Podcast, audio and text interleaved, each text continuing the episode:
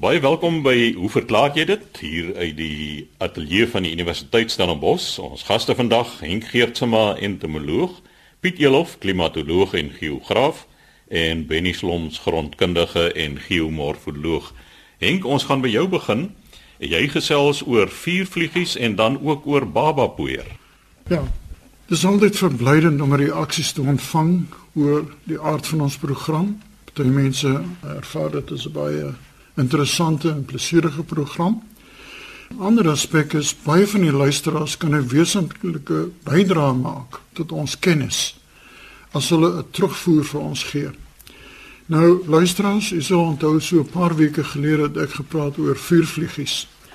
En daar was 'n interessante brief van Hugo Slabbert wat dan die verskynsel bespreek het van die bol lig wat daar in die Krugerwildtuin rond beweeg het.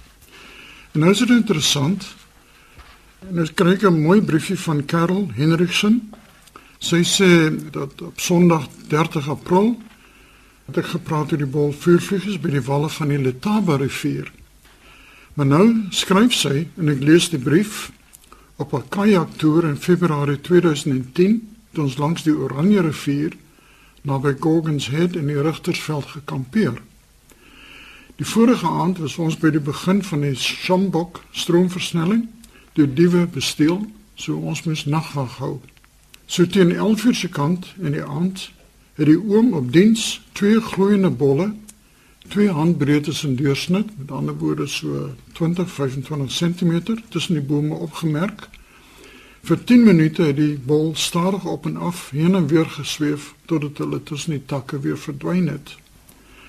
Nou skryf Karel, dit was voor die dae van die algemene gebruik van hangvliegers, drones. So kan ons aanneem dat dit bolle vuurvliegies was. Niemand wat langs die rivier in Vioolsdrift van Rooiwal woon, waar ons later gevra het, het so iets van tevore gesien. En dan sluit sy af as met 'n groot kompliment vir ons span Baie dankie vir 'n voortreffelike program. Verbetering as dit 'n uur lank kon wees. So baie dankie Karel. Om terug te kom na die bol, ek dink die beskrywing wat u gegee het is werklik die ook van 'n bol vuurvliegies. Met ander woorde, hierdie verskynsel is nie so raar as wat ons aangeneem het nie. Maar ek herhaal, ek kon nêrens in die literatuur op hierdie neerskryf van hierdie verskynsel afkom nie. So hierdie is nou die tweede reaksie wat ons kry oor hierdie baie interessante storie. Natuurlik my een kollega, meneer Sloms, is nog steeds baie bekommerd oor die arme wyfie vuurvliegie wat die een morse kode gebruik om 'n mannetjie te lok en die ander morse kode om die ander mannetjies op te vreet. Hy sê dit laat hom so dink aan die werklikheid van die lewe.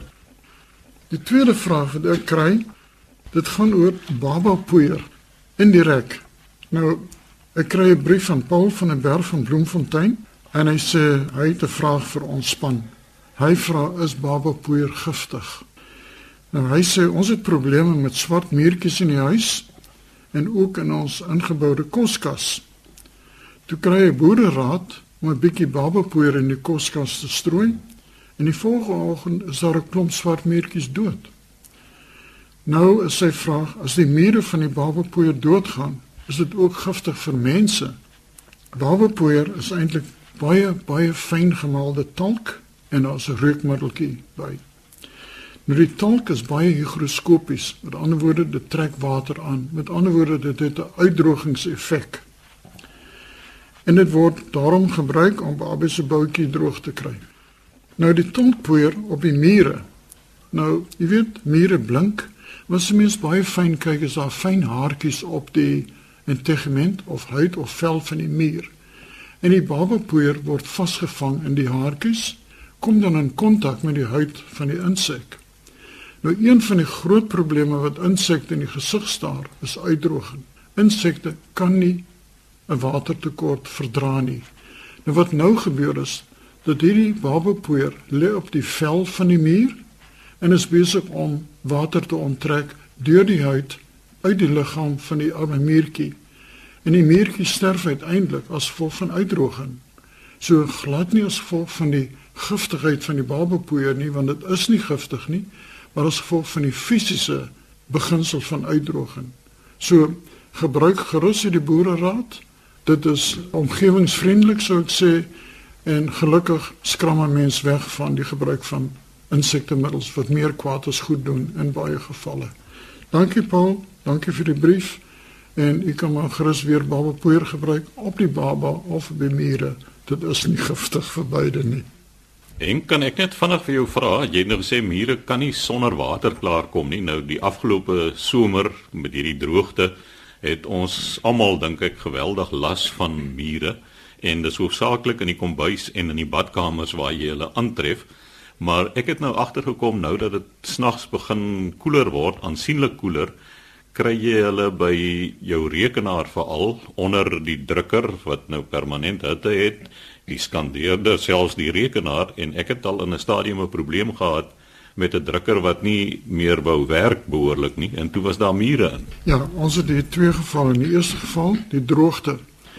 Wat ook interessant is, net om af te wyk van die mure, termiete, ook bekend in die boere naam as reismure, was redelik skaars in die droogte tye want hulle soek ook baie vog. Maar nou met die eerste reënbuie wat ons nou kry in die Weskaap, sien mense oral te skielik borrel die muurhoope en die reismuurhoopies, termiethoopies weer uit. Met ander woorde, hulle is baie laat in die seisoen om voedsel vir die winter te versamel. Nou kom ons by wat jy genoem het dat die mure wat in die rekenaars en so wegkruip. Nou tot my skande moet ek eendag erken, my motorhek het nie gewerk nie die motor wou nie werk nie. En ek bel die mense wat nou te doen kry met hierdie elektronika en so aan. Hulle maak die ding oop en hulle roep vir my. Dis hierdie ding vol mure. Die mure het absoluut die elektroniese werking van hierdie stelsel bevoeter om dit in plat Afrikaans te sê. En ek moet my geskaam want ek moes as 'n entomoloog beter geweet het. Maar in elk geval, wat gebeur nou met die koeler nagte? Nou is water en vog nie meer 'n probleem nie want daar's redelik baie dou in die nag ook. Maar die ding is nou raak dit koud. En baie van die mure gaan in 'n sogenaamde winterslaap. So hulle soek 'n effense warm bron. Nie te warm nie, nie te koud nie. En hierdie sogenaamde loodsliggies, pilot lights van elektroniese gereedskap soos rekenaars, radio's, radiowekkers en die goed gee net die regte temperatuur vir hulle om die winter te kan oorbrug. So dis niks snaaks om hulle in elektroniese apparate kry nie. Maar dis net skuiling en dis weer die mens wat vir hulle die geleentheid bied en insekte is opportuniste. Hulle sal die geleentheid gryp as dit hom voordoen. Dankie Chris. Enk ja, ek het nog 'n vraag oor die mure.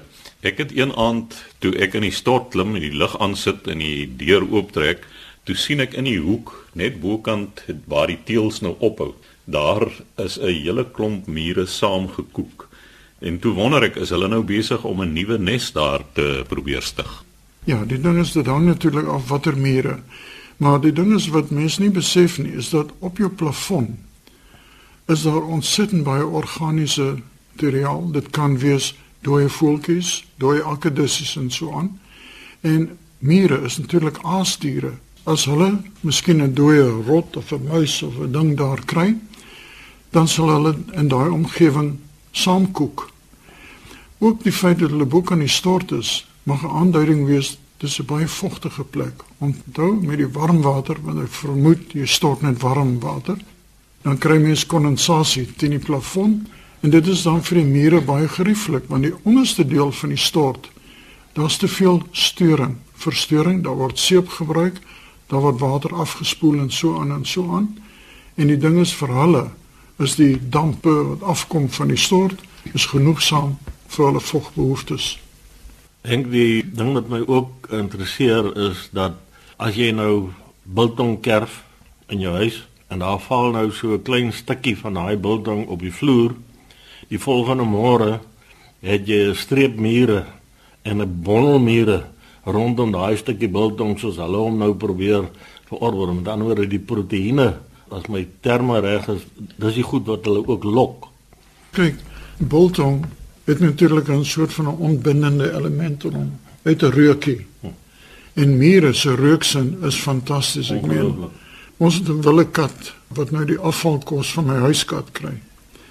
En ek was verbaas om te sien dat een nag was die arme willekat se kos vol mure. En die ding is ek hou Argentynse mure in my tuin redelik goed dop en ek hou hulle onder beheer. En die naaste nes wat ek geweet het van van my Argentynse mure was omtrent 20 25 meter weg van die katkos. So hulle moes dit op 'n manier geruik het. En natuurlik wat ek nou doen is jy vat 'n bord, jy sit 'n bietjie water in en dan sit jy nou die bakkie met katkos binne in die water. Want die mure sal nie oor die water na die katkos kom nie. So die wilde kat het nou 'n bordjie met water en nog die afvalkos van my huiskat. Nee, hulle het 'n uitstekende reuksin eintlik. Maar hulle het ook verspieders. Hier loop enetjie, daar loop enetjie, daar loop enetjie en as hy iets kry wat hy reken eetbaar is, dit vat nie lank nie. Dan het hy 'n streep wat so intoe kom. Ja. Pieter hou van die woord bespieders. Ons gebruik die woord verkenners. Die ding is soos met heuningbye en so aan. Kyk, 'n heuningby in die algemeen leef 6 weke. Nou die eerste 2 weke van die heuningby haar lewe, onthou dis wyfies, né? Dan gaan sy uit en sy soek vroeg in die oggend soek sy bronne van voedsel. Dan bring sy die boodskap terug na die nes waar die wat nou 2 tot 4 weke oud is, uitgaan om dan die nektar en die stuifmeel te versamel. Die bye wat 4 tot 6 weke oud is, die bly in die nes en hulle staan besig om die kleintjies te versorg en om die nes te bou. Dis baie interessant. Nou die mure is natuurlik baie naam verwant aan heuningbye. So hulle dieselfde beginsel dat daar as mure wat as verkenners, dis die fikste van die hele lot wat dan vroeg uitgaan en dan as hulle 'n bron opspoor, dan bring hulle die boodskap terug. Nou waar heuningbye vlieg het hulle 'n ander stelsel om aan die ander bye te vertel waar die bron is. Maar in die geval van mure lê hulle 'n rookspoor neer. En die ding is die rookspoor gaan dan van die sinemaar van die fonds terug na die nes. Met ander woorde, die rookspoor word al sterker hoe nader dit na die nes toe kom. Nou kry die werkermure in die nes kry dan die boodskap, hier's 'n sterk reuk van 'n verkenner en dan gaan hulle op die spoor van daardie verkinder terug en die gids of die leiding wat hulle kry op daai spoor is juis die vermindering van die reuk totdat hulle amper niks meer kan ruik nie en dan is hulle by die bron. So sê Henk Geertema, ons entomoloog. Nou Benny, die onderwerp waaroor jy gesels veral in hierdie afgelope somer se droogte is baie belangrik. Dit is boorgate. Dankie Chris. Ek moet sê driekwart van die vrae wat ons deesdae kry handel oor water, spesifiek oor die tekort van water en wat kan 'n mens doen? Ons het hier 'n e-pos gekry van Andriet Meyer.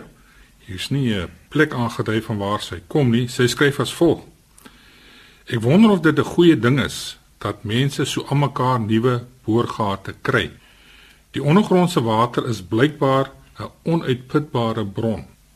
Maar daardie feit klink nie vir my reg nie. Hoekom kan ons dan nie van boorgatwater lewe as dit so droog is nie? Dit voel vir my asof ondergrondse water tog op een of ander stadium sal opraak. Kan jy asseblief verduidelik? Nou Andriet, jy's heeltemal reg. Ondergrondse water is nie onuitputbaar nie. En as ons van boorgate praat, dan is ondergrondse wateronttrekking baie meer kompleks as wat die meeste mense dink. 'n paar baie belangrike aspekte is hier van belang as ons praat van die maak van boorgate. Nommer 1, miskien die heel belangrikste feit is, ondergrondse water kom nie oral voor nie. Meer droë gate word geboor as gate wat genoegsaam water lewer om te kan ontgin. Die hoeveelheid water en die kwaliteit daarvan verskil baie afhangende van die geologiese materiaal waarin daar geboor word. En dan derdens, ek het gesê ondergrondse bronne is nie onuitputbaar nie. Sommige kan wel seisoonaal aangevul word, soos byvoorbeeld die akwifers in Kaapstad, Atlantis en die Sandveld, waar reënwater hierdie bronne seisoonaal aanvul. Nou, as water nie oral ewe gereedelik gekry kan word nie, waar moet 'n mens gaan boor? Nou in die Weskaap kan 'n mens sukses verwag op sekere materiale, nie op almal nie. Kom ons kyk watter materiale kom voor hier in die Weskaap en wat kan 'n mens daar verwag? Eerstens die sandakwifers. Dit is nou diep sande, ongekonsolideerde materiaal soos jy kry hier op die Kaapse vlakte, net buite kan Kaapstad, Atlantis, die Sandveld waar ons groot aardappelproduksiegebied lê. Hierdie dele het 'n grondwatertafel en hierdie grondwatertafel styg in die winter met aanvulling deur die reëns en dan gedurende die droë somermaande wanneer die water verbruik word vir groenteverbouing, dan sak hierdie grondwatertafel. Die water in hierdie akwifers is oor die algemeen baie goed. Dit is bruikbaar. 'n Tweede bron is ons Tafelberg sandstene. Dit is die materiaal waaruit ons berge bestaan hier in die Weskaap. Nou heelwat water is beskikbaar in nate en verskuiwings van die Tafelberg sandstene. Dit het 'n baie hoë kwaliteit. Dis van ons beste water wat ons het hier in die Weskaap. Mens kan nie oral in die Tafelberg sandstene natuurlik boor nie. Jy moet by so 'n verskywing of 'n naad, die moet jy tref met die boor daarvan. Iewers het ek gelees waar mense beramings gemaak het oor watse bronne lê nog vir ons voor wat ons kan gebruik en daar's toe beram dat die Tafelberg sandstene hier in die Weskaap vir ons jaarliks 500 miljoen kubieke meter water kan gee. Wat ook aangevul word met die winterreëns.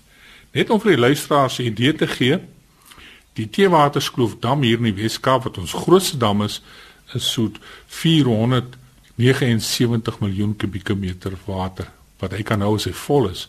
So die Tafelberg sandstene is 'n tweede Teewaterskloof dam vol water wat beskikbaar is maar daar's natuurlik duisende gate gesing moet word om dit werklik te kan ontgin, maar dis 'n storie vir 'n ander dag. Nou as ons by die skalies kom, in die Swartland kry ons die Nama skalies of ons praat van die Mamas by die skalies. Hier is heelwat minder ondergrondse water en baie belangrik, die kwaliteit van die water op die die skalies is oor die algemeen swak, want dit is skalies wat onder soutwater toestande afgesit is en die braksoute kom maar voor in hierdie materiaal en jy kry oor die algemeen maar brakwater. Die Bokkeveld-skalies wat nou deel is van die Kaap Supergroep het 'n bietjie meer water, maar dit is ook maar beperk. Die kwaliteit is ook effens beter, maar jy is gelukkig as jy met die eerste boorgat sommer water gaan kry. Ons gaan net nou by daardie punt kom. En dan laasens wil ek praat oor die graniete wat volop in die Weskaap voorkom.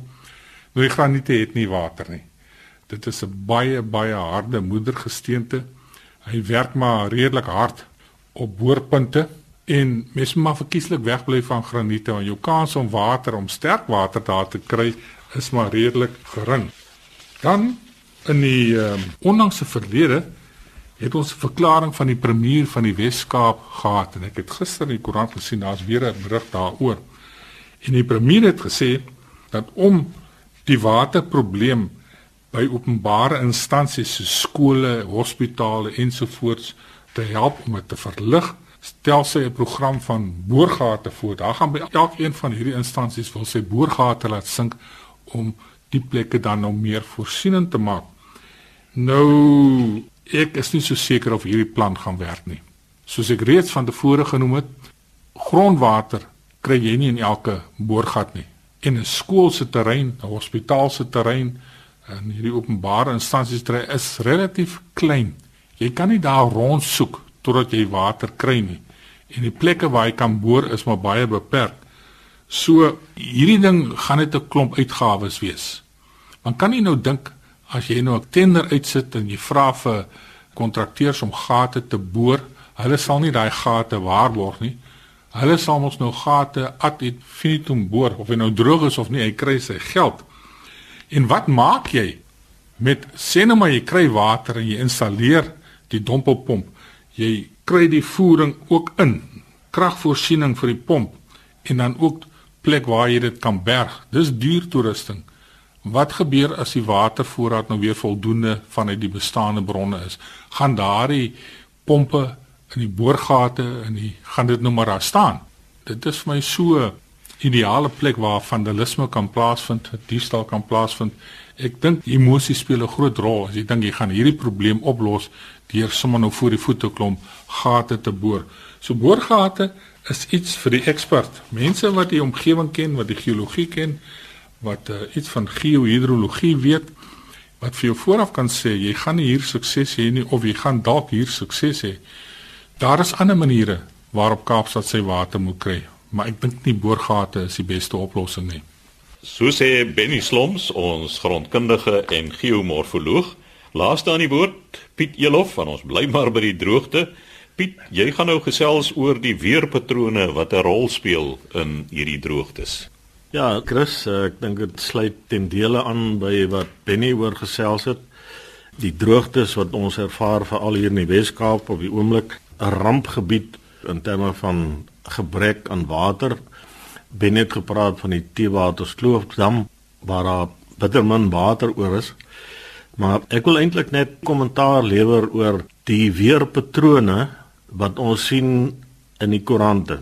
Daar was 'n ruk terug was daar iemand wat elke keer kommentaar gelewer het oor die weerpatrone en uh, daar's natuurlik programme wat jy kan nagaan op wat ek sê Google yr.no dis 'n maatskappy wat uit Noorwe uit vir jou die weer byvoorbeeld in die Wes-Kaap uur na uur kan aandui. En ek weet baie van ons uh, wingerdboere maak gebruik van daardie program wanneer hulle hulle wingerde wil bespuit met wat ook al. So die goed is daar. Maar as jy na 'n weerkaart kyk dan is daar gewoonlik twee sisteme wat jy raak sien. Die een is die kontoure naby aan mekaar en daar's 'n L aan die binnekant. Na lê 'n streep deur hom met sulke klein swart driehoekies wat vir jou sê maar hier is 'n koue front aan die kom. Maar ook wes van die land sal jy ook 'n ander stelsel sien waar die kontoure bietjie verder uitmekaar uit is en daar staan 'n H in die middel. Wat ons moet besef egter is dat beide hierdie stelsels, hierdie laagdrukstelsel en dan die sogenaamde hoogdrukstelsel lê binne 'n omgewing wat ons sal noem die kom ons sê die middelbreedte westewinde. Dan hoor hulle gaan van die weste kant af na die ooste kant toe beweeg. As jy nader aan die ewenaar gaan, dan ons die omgewing wat ons sê dis die tropiese oostewind gordel daar. Maar hierdie stelsels, hierdie laagdrukstelsel en die hoogdrukstelsel wat ons hier sien, gaan van wes na oos beweeg. Nou dikwels dan sien jy hier kom 'n koue front aan en ons in die Wes-Kaap verwag ons gaan reën kry, maar dit gebeur nie. Want daai hoogdrukstelsel druk eintlik daai laagdrukstelsel suid van die land verby. Dit beteken nie daar nie reën nie, maar dit reën nie oor die land nie. Terwyl wanneer daai hoogdrukstelsel onder die land verby beweeg en ons moet onthou ons praat ook van 'n antisikloon want die windrigting rondom die hoogdruksel is antikloksgewys. Met ander woorde, hy tel vogtigheid van die oseaan af op en dryf dit in die land in. En waar die topografie daar is, beteken dit daar gaan daai vogtige lug styg, afkoel, kondenseer en dan reën bring sodat ons suidelike deel van ons land hoofsaaklik dwars deur die jaar reën kry. En na mate daai hoogdruksel verder oos beweeg, kan jy ook daar nie. Daar's natuurlik ander stelsels ook wat reën meebring in daardie gedeeltes. Maar dit mag dalk 'n verklaring wees van wanneer ons hier in die Weskaap reën verwag en ons kry dit nie. Terwyl die weerkaarte wat ons in die koerante sien vir jou eintlik 'n verwagting skep dat hier nou gaan reën voorkom of nie. So dit sluit eintlik aan by wat Benny hier gesê het oor die reën en die waterbeskikbaarheid in die Wes-Kaap. Op hierdie stadium word ons eintlik nou mense kan gaan praat oor El Niño verskynsels en daai tipe van goed, maar wat ons moet onthou is dat wanneer hierdie weerstelsels in plek is, daar is 'n groter prentjie wat eintlik oor die hele aardbol geld. El Niño verskynsel kan vir jou reën bring in 'n gedeelte. Verder skuif hy daai weerstelsels net weg van die land. dat dit reën in die Indiese Oseaan. Ons het droogte in die omgewing van die Natalse kus en daai tipe van goed, maar hierdie goed is deel van 'n groter prentjie wat plaasvind. 'n Mens kan nie elke keer net op grond van wat jy daar sien aanvaar dat hier kom 'n koue front, ons gaan reën kry nie. Partykeer werk dit so, ander kere werk dit nie so nie. So dit is nie heeltemal so eenvoudig nie. En so sê Piet Elof, ons klimatoloog en geograaf, die tyd het ons ook ingehaal. Skryf gerus aan, hoe verklaar jy dit? Posbus 2551 Kaapstad 8000 of stuur 'n e-pos aan chris@rsg.co.za.